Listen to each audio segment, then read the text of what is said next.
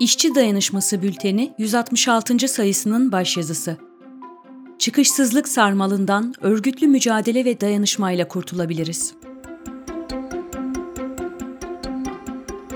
Toplumun çoğunluğunu oluşturan emekçiler için yaşam her geçen gün daha zor ve zahmetli hale geliyor. Sıkıntı veren sorunlar büyüyüp etkisini ağırlaştırıyor. İşçisinden öğrencisine, emeklisinden işsizine kadar emekçilerde endişe ve yarına dair karamsarlık duygusu hakim. İşçi Dayanışması'nın 162. sayısının başyazısı bu satırlarla başlıyordu.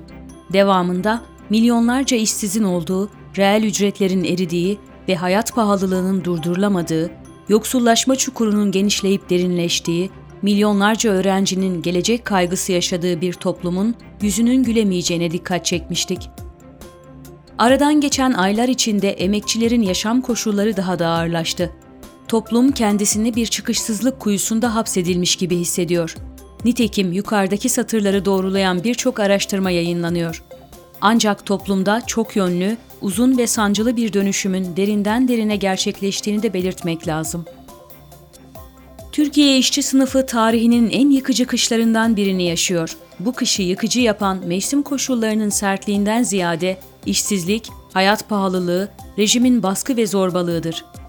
Emekçiler korkunç yoksullaşma dalgasının altında yaşam mücadelesi verirken ucuz ekmek kuyrukları her geçen gün daha da uzuyor.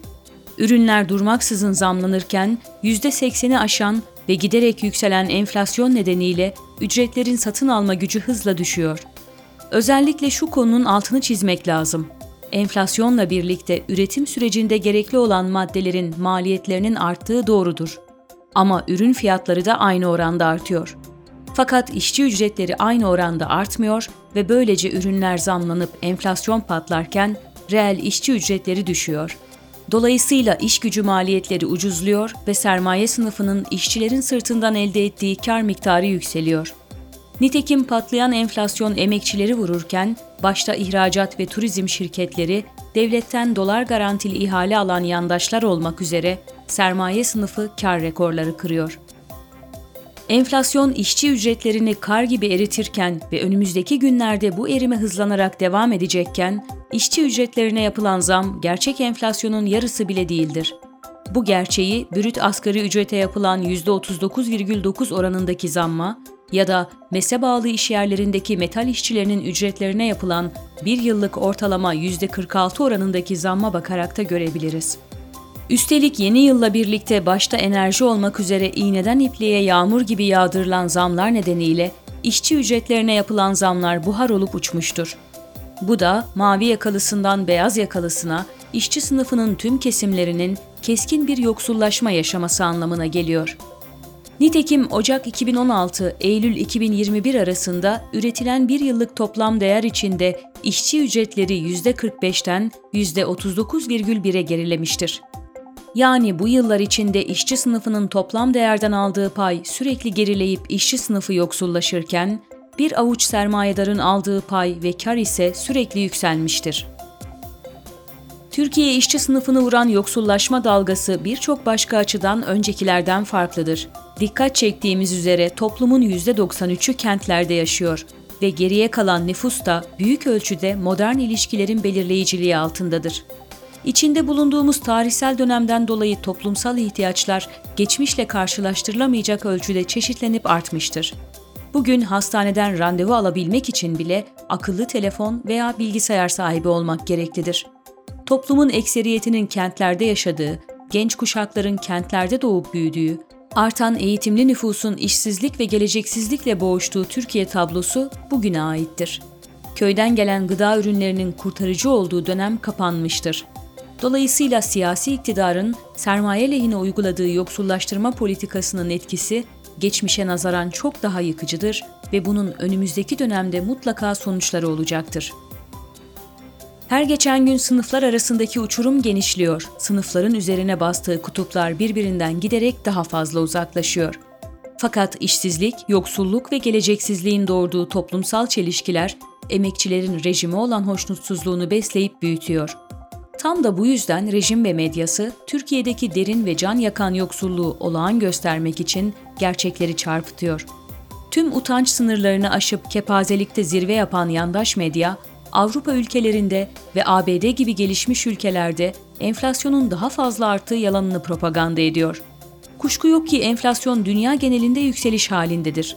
Ne var ki ABD'de yıllık enflasyon %7, Fransa'da %3,4, Almanya'da ise %5,3'tür.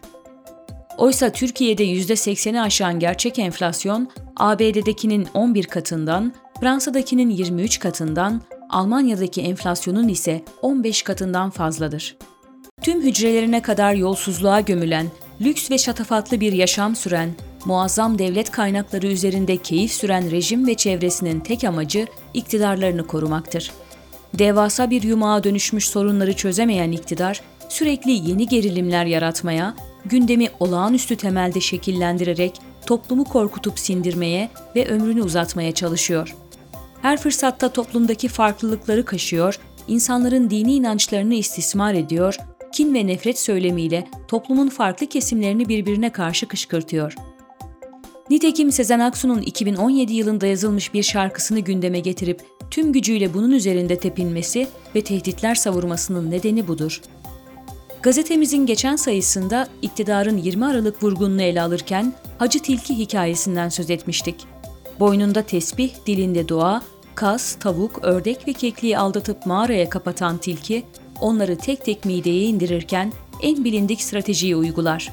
Böl, ayrıştır, birbirlerine kayıtsız hale getir ve istediğini yap. Hacı tilki tavuğu mideye indirmek için önce onu fakirin çocuğuna zamanında yumurta vermediği için suçlar ve diğerlerini kayıtsız bırakır ve hatta ona karşı kışkırtır. Fakat tilkinin oyununa gelip tavuğu savunmayanlar sırayla yem olmaktan kurtulamazlar.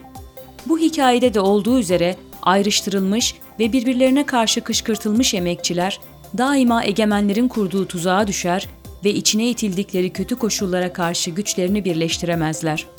İşsizliğin, yoksulluğun, gelecek kaygısının, baskı ve zorbalığın arttığı, özgürlüklerin yok edildiği, insanın bir mengeneye sıkıştırıldığı koşullar toplumu bunaltıyor.